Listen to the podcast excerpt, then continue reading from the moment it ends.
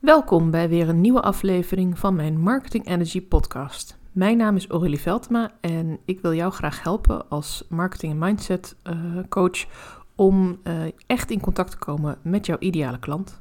Deze bonusaflevering is onderdeel van mijn Content Marketing Checklist podcast serie. Uh, dat zijn vijf afleveringen waarin ik met jou door mijn gratis weggever heen loop, de Marketing Content Checklist content marketing checklist. En um, in deze sessie gaan we uh, visualisatie doen. Je mag het ook een meditatie noemen. Waarin ik jou uh, een aantal vragen ga stellen. Drie vragen om precies te zijn over jouw ideale klant. Je mag zo meteen even lekker rustig gaan zitten of liggen. Ik zal zo meteen ook een muziekje voor je instarten in de achtergrond. En dan kun je daar ook op focussen. Ik ga je hier doorheen praten uh, met rustige stappen. Ik zal ook af en toe even een stilte laten vallen. Je mag de podcast ook even op pauze zetten het is fijn als je pen en papier naast je neerlegt, zodat als je straks klaar bent met deze visualisatie, dan heb je vast een hoop ideeën en inspiratie.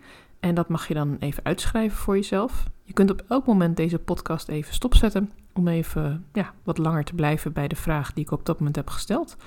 En wat ook heel erg belangrijk is voordat we beginnen, uh, zorg dat je in een rustige omgeving zit. Sluit je even helemaal af. Deze podcast zal maximaal een kwartier duren, inclusief de tijd die je even nodig hebt om alles op te schrijven. Uh, dus zorg ook dat er even niemand je komt storen of uh, kies anders even een ander moment uit. Oké, dan gaan we zo van start. Ga maar lekker rustig zitten. Ga maar gewoon ontspannen zitten of liggen, wat je wil. En sluit je ogen. dat is nou makkelijker om, um, om zo meteen je voor te stellen dat jouw ideale klant tegenover je zit. Je mag je uh, even helemaal losmaken van waar je nu bent. Misschien heb je een drukke dag gehad. Misschien uh, begint je dag net. Dus we gaan even een aantal keer rustig ademhalen samen. Adem in. Hou hem even vast. En adem rustig uit. Dat gaan we nog twee keer herhalen. Adem in. Hou hem even vast. En adem rustig en diep uit. En probeer helemaal je ademhaling naar je buik uh, te laten gaan. En ook je buik helemaal leeg te laten lopen bij de uitademing. En de laatste keer adem in. Vasthouden. En adem uit. En gedurende de oefening mag je ook zelf bepalen uh, hoe je ademhaling gaat. Doe je dat je reguliere ademhaling of hou je deze aan? Dat is helemaal aan jou. Het, het helpt om rustig adem te halen. We gaan nu verder. En ik ga je je eerste vraag stellen. En dan begin ik mee dat zij Jouw ideale klant zit samen met jou aan een tafeltje. Stel je voor dat jullie samen zitten. misschien zit hij op een fijn kussen, misschien op de bank, misschien aan tafel. Maar er is verder even niemand in de buurt. Het maakt even niet uit of er andere mensen zijn. Uh, jullie zijn met z'n tweeën in gesprek. En stel je haar voor. Hoe ziet ze eruit? Heeft ze de haar kort of lang? Uh, blond, donker? Is ze bepaalde kleding aan? Zelfs al heb je niet een vast beeld bij hoe jouw ideale klant eruit ziet, dan helpt het je nu om haar uh, ja, als een soort Barbie-pop even aan te kleden. Hoe oud is ze? Is het wel een zij? Ik kan ook een man zijn natuurlijk. Uh, ik uh, merk dat ik mezelf richt op vrouwen, dus dan praat ik al snel over zij, maar vul je gerust een man in. Stel je haar even helemaal voor. Wat drinkt ze? Kopje koffie, kopje thee, glas water? Hebben jullie misschien al wat langer gepraat met elkaar? Ken je haar al goed? Ze is jouw ideale klant, dus ze mag alles zijn wat jij nodig hebt om in de volgende oefening een vraag aan haar te kunnen stellen. mijn eerste vraag aan jou is: geef haar een naam. Heb je dit alles gedaan of doe je dit nu voor het eerst? Geef haar een naam zodat je echt met haar in gesprek kunt gaan.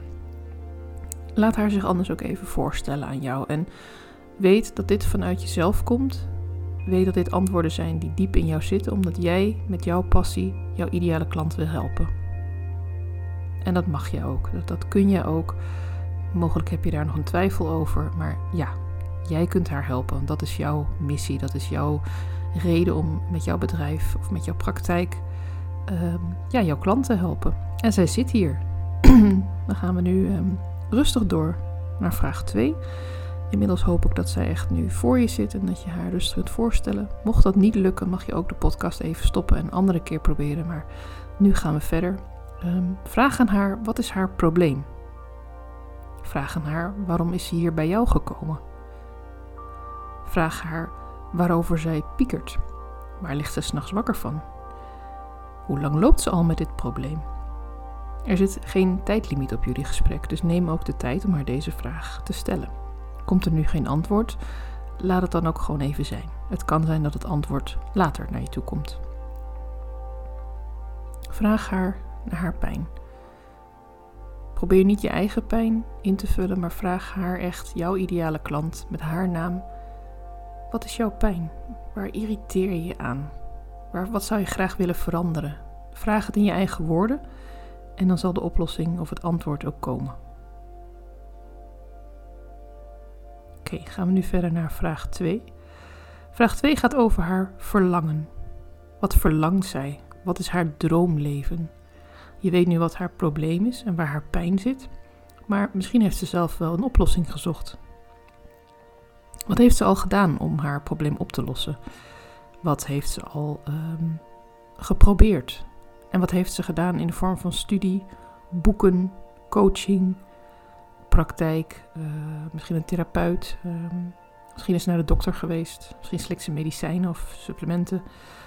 Vul het niet voor haar in, maar laat haar zelf antwoord geven uh, wat, heeft, wat zij al heeft gedaan en wat zij nu bij jou komt halen. Wat, wat hoopt ze nu bij jou te krijgen? En wat is voor haar nu echt een oplossing van haar probleem? Los van tijd, geld, mogelijkheden.